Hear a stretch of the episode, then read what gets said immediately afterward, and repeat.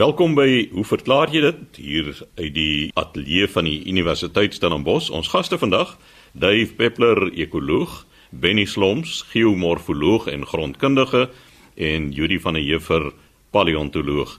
Juri, jy is eerste aan die beurt. Wat is die nut van 'n blou dussel?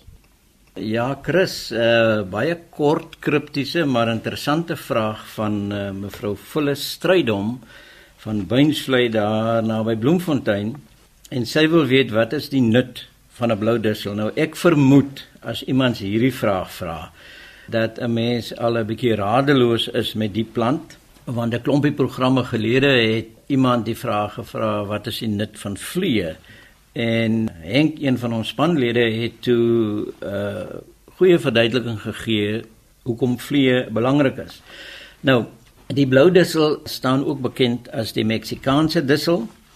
Dit is 'n stekelrige, eenjarige kruidgewas wat so grys-blouerig is en tot 'n meter hoog kan word. Nou, ek weet ons het Engelse luisteraars en hulle het gevra dat ons daarom die name so bietjie moet verduidelik. So hierdie plant staan in Engels bekend as die Mexican poppy.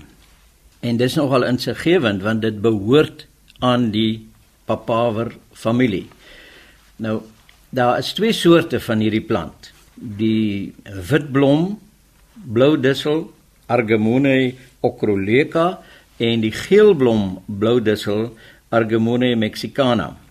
Die witblom bloudussel is wyd versprei in Suid-Afrika, trouens dis baie goed versprei reg deur die wêreld.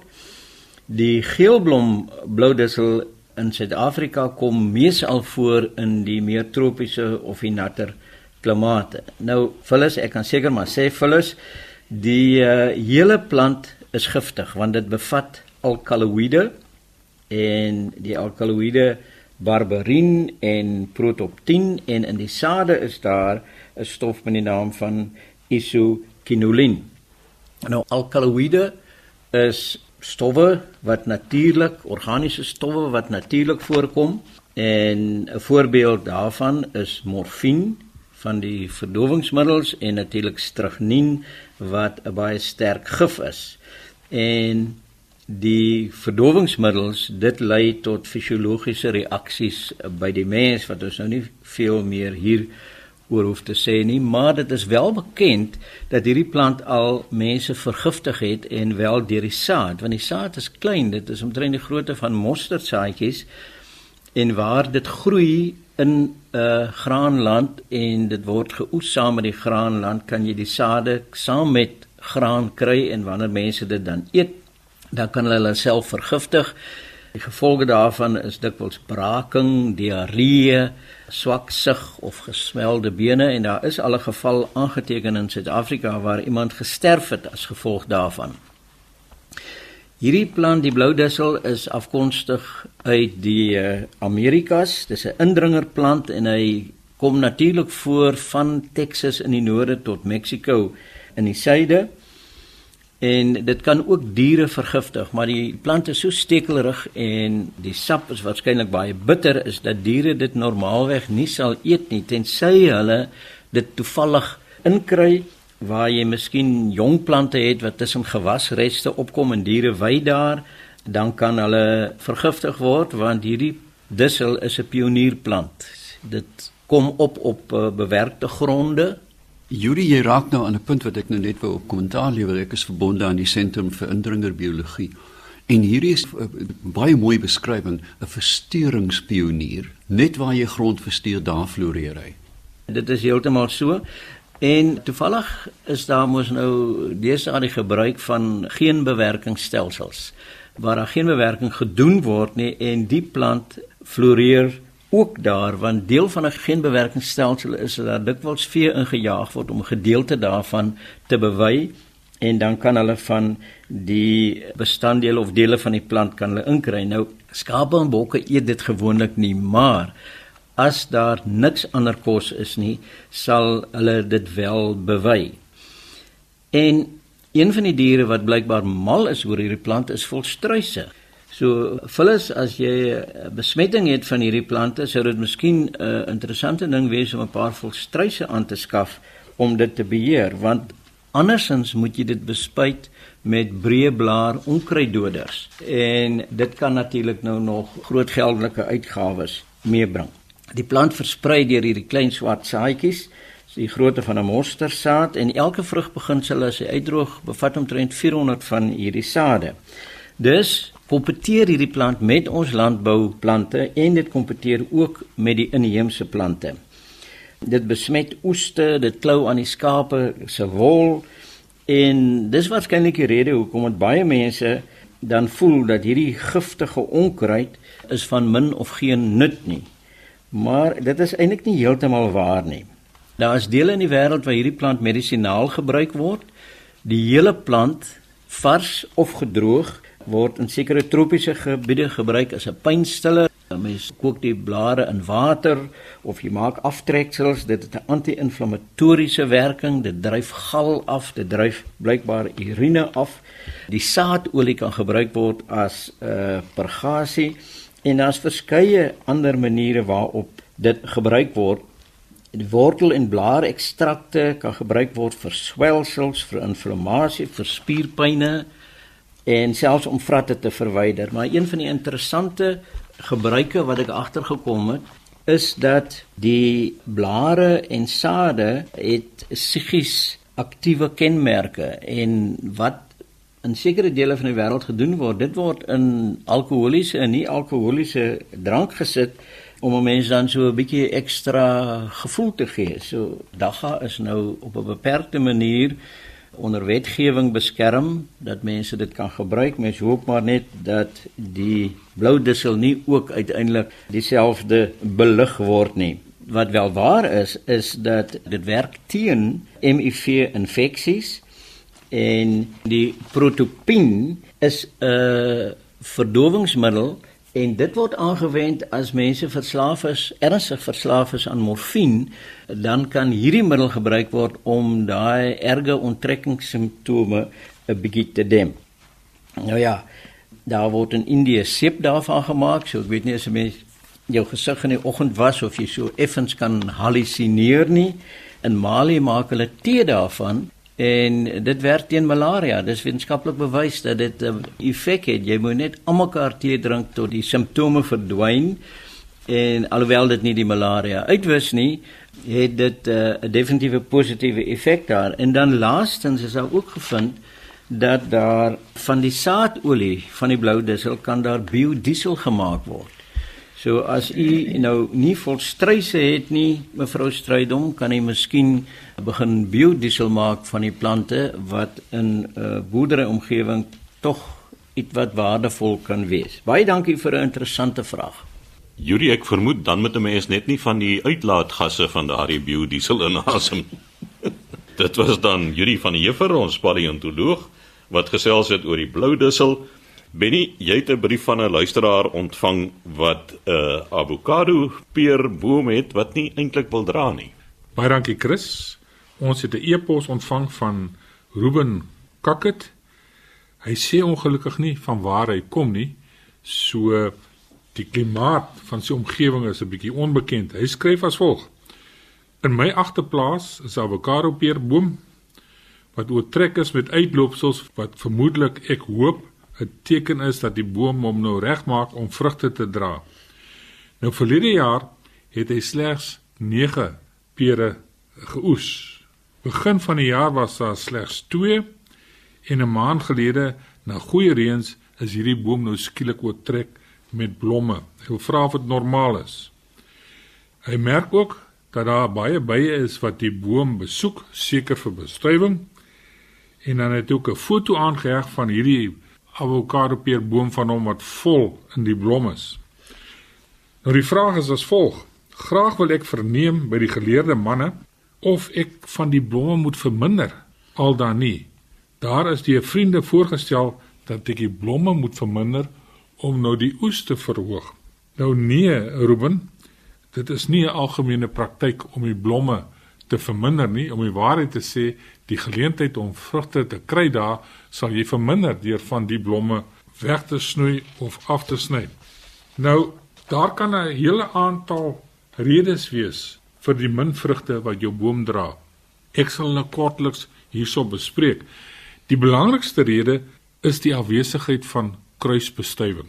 Nou avokado bome produseer blomme wat beide manlik en vroulik is. En daar word daarna verwys as tipe A en tipe B blomme. Avokados blom op 'n manier bekend as gesinkroniseerde dikogamie.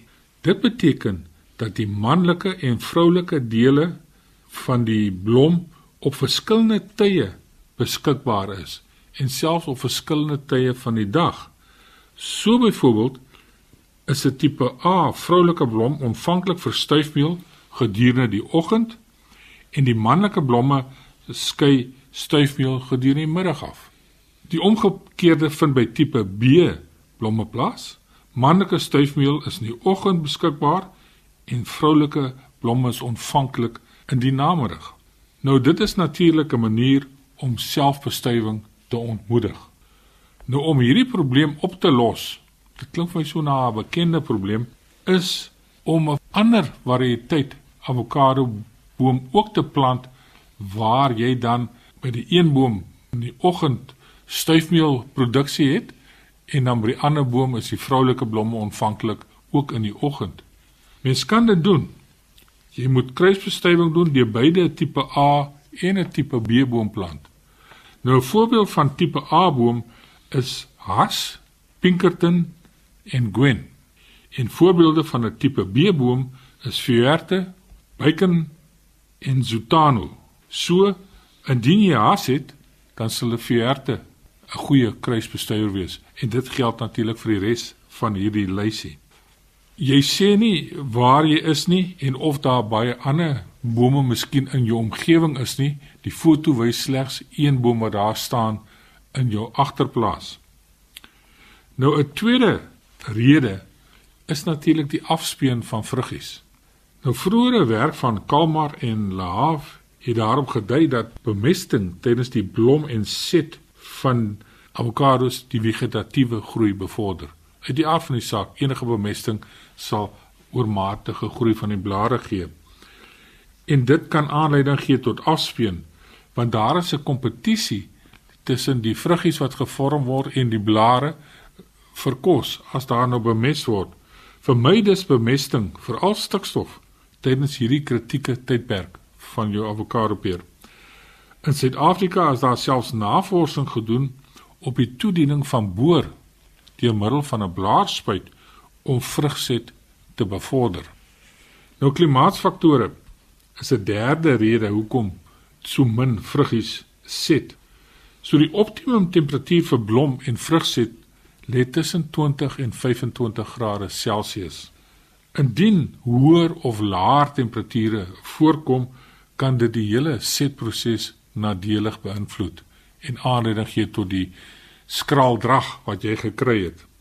'n Vierde rede, uh, ek weet nie of dit baie bekend is nie, maar bome wat oorgeënt is op 'n onderstok sal vinniger vrugte dra binne 3 tot 4 jaar, terwyl saailingbome 7 tot 10 jaar sal neem voordat hulle dra.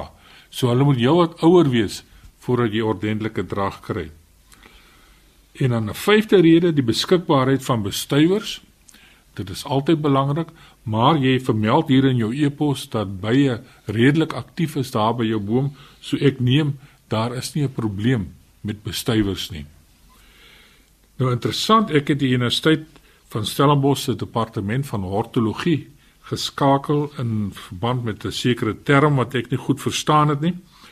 En hulle sê toe vir my dat die departement gaan van volgende jaar af ook avokado bome in hulle spektrum van vrugtebome insluit wat hulle gaan aanbied in hulle kursus want volgens uh, Dr. Esmay Lou is die produksie van uh, ons weet van ander subtropiese vrugte maar selfs avokadobere raak al hoe meer en meer gewild en groter oppervlaktes word hier in die Wes-Kaap aangeplant so die goeie nuus is Universiteit van Stellenbosch gaan dit ook volgende jaar in hulle kursus hê.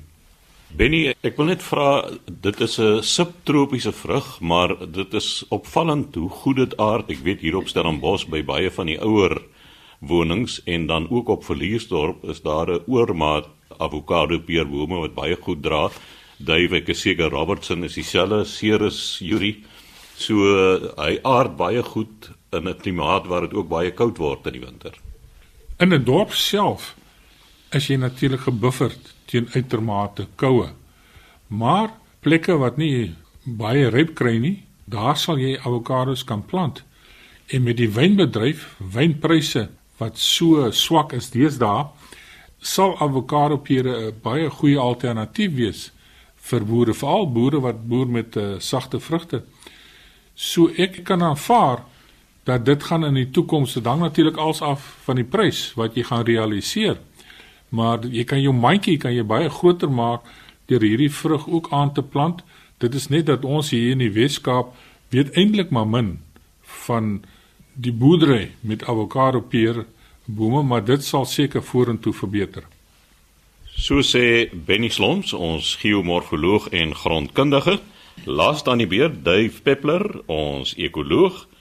Dave, jy sal vir ons later verduidelik, maar ek dink nie almal gaan nou verstaan nie. Jy praat oor die gonna teen die ruit en klein rooi valke.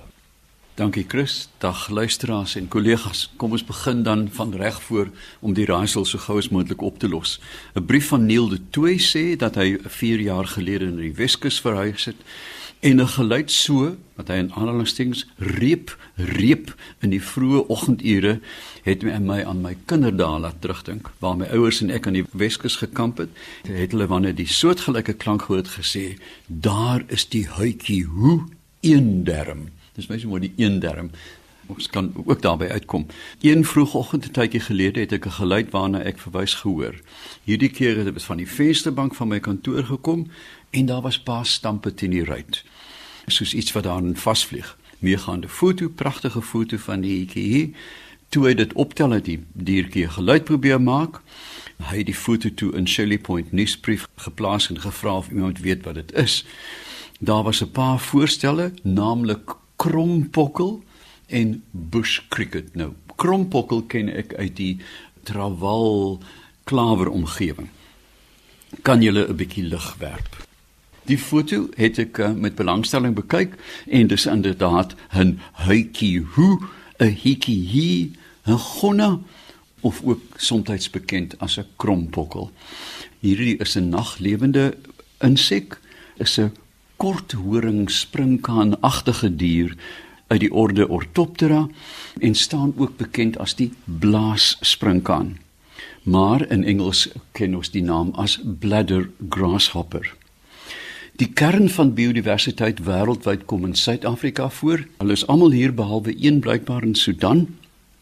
Daar is sterk seksuele dimorfisme En omgekeerd gewoonlik is mannetjies groter. Hier is die mannetjie 12 tot 68 mm, maar die wyf is 22 tot 107. Mannetjies het groot oë en hulle het ook 'n prominente skof, 'n pronotum. Dit lyk byna na 'n beeskof. Nou, alhoewel die wyfies groter is, het hulle nie hierdie opgeblaaste liggaam nie. Nou die geluid die blaas vorm ontwikkel net in die laaste instaart want soos ons weet dat insekte gaan deur verskillende stadia en dan is daar 'n dun semi-deursigtige integement en hierdie is uiteraard 'n klankbord soos die liggaam van 'n gitaar of 'n viool of 'n cello wat die klank dan versterk. Hulle maak harde roepe en ook raspergeluide en ons sal nou daarby kom en hierdie geluide kan deur 'n ander krompokkel tot 2 km ver gehoor word. Dit is 'n verstommende ryk afstand vir so 'n klein diertjie. Die femur van die sprinkaan is swak ontwikkel. Dit lyk of hy byna nie kan spring nie. Dis dun beentjies, byna soos myne. En het 'n rasper aan die binnekant wat dan ooreenkom met 'n rasper aan die integement teen in die liggaam en dan word dit so teen mekaar geskuur. Luisteraars wat daai speel goed die houtpaddatjie met die stokkie wat jy oor die rug trek. Dit is die idee uit gewoonlik so raspertjie en dan maak dit 'n baie harde geluid. Nou die wyfie antwoord in 'n duet, maar sy het nie die raspers nie. Dit is 'n fyn piepgeluid wat blykbaar nie deur mense gehoor kan word nie of skaars en dit wil voorkom asof sy die vlerke in die geval teen die abdomen rasper. So, baie dankie Neil vir 'n lekker storie in die volksmond. Ek is uh, gek oor die die volksname en die verwringing en die vorms daarvan. Baie interessant. Tweedens het ek 'n brief van oud kollega Rodney Moffat ontvang waar hy in 'n informele dokument wat hy aangeheg het, 'n bespreking oor die klein rooi valk doen waarby ek etlike jare, 15 jaar betrokke was in navorsing. En hier teen die einde is daar 'n opmerking deur eh, Rick Nuttall, 'n baie bekende voelkundige, wat sê dat voor die mens Suid-Afrika beset het en ons praat nou hier van eintlik die blanke besetting wat formele nedersettings gebou het en plase uitgebring het dat hulle begin bome plant het soos bloekombome, dennebome en populiere waarin hierdie klein rooi valke dan gemeenskaplik slaap. Nou wil hy eintlik weet waar het hulle versprei en waar hulle geslaap 200 jaar gelede. Dis 'n boeiende vraag want sou jy Wellington toe ry in die klein rooi valk tyd, dan is daar 'n enkele boom met die orde van 4000 rooi valke wat in die een boontjie slaap. Ek gaan elke jaar in verbasing kyk alhoewel ek hulle so goed ken. En um, ek nooi luisteraars om my te kontak as hulle dit wil beleef, dan kan ek hulle neem. Dit is een van die mees verbluffende voorkomste van diere saamtrek in die natuur. Nou, die klein rooi valk is 'n bitterklein valkie wat uit die palearktiese gebied migreer, met ander woorde van Spanje tot sover as Mongolië, maar die kerne van die bevolking is onbekend. Die valkie het 'n dramatiese afname getoon die afgelope jare. 1950 was daar 100 000 broeipare in Spanje. Daar is nou 4000, dis die orde van afname. Hulle het bykans verdwyn uit. Daar's 'n handjievol in Frankryk, handjievol in Italië.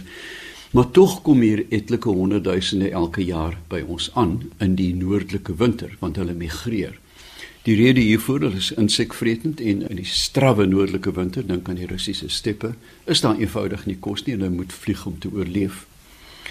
'n Vlug van kom ons dink aan die Republiek van Tuva byvoorbeeld na Wellington waar ons nou data het en terug sal in die orde van 5 na 28000 km wees vir 'n voeltjie wat 150 gram weeg. Dit is 'n merkwaardige, merkwaardige migrasie en daar is goeie getuienis dat van die oostelike bevolking na die Weskus van Indië vlieg wag vir die monsoonwinde en dan oor die Indiese Oseaan en dan weer by Dar es Salaam rond land slaan 'n onafgebroke vlug oor die Indiese Oseaan. Ek kan eintlik nie 'n antwoord gee op hierdie vraag nie want ek weet nie. Die habitat voorkeur van die valkies is soet grasveld waar die meeste insekte kan dra en dan dink 'n mens uiteraard aan die Vrystaat, die noordoostelike dele van die Kaap, die gras Karoo hier by noord van Beaufort Wes. Hulle kom in Beaufort Wes gereeld voort en by Victoria Wes is daar gewoonlik 'n groot kolonie grasagtige platberg Karoo waar in 'n goeie grasjaar jy hulle oral sien. Hulle is uh, wispelturig in die keuse van die bome want in die noordelike halfrond is hulle verseker van kos want die somers daar is redelik eweredig. Kom hulle na Suid-Afrika is die somers wispelturig en mag dit reën of nie reën nie. So hulle is hoogs mobiel en soek dan in gekose bome wat hulle na terugkeer jaar na jaar interessant genoeg 'n uh, slaapplek. So, Rodney, ek kan nie vir jou 'n antwoord gee nie. Ek dink dit is suiwer spekulasie. Wat ek wel kan sê dat ek dink dat die invloed van die mens het die verspreiding van die valkie verdig en uitgebrei na die suide. Dave, dink jy nie dat eh, soos moontlikhede ontwikkel nou die kunsmatige aanplant van bloekombome hier by ons en mense sien dit op baie plekke soos jy deur die land reis bied dan 'n hawe vir diere wat voorheen op 'n ander plek gebly het. En terwyl jy gepraat het het ek nou gedink aan die dassies daar in die Oos-Kaap.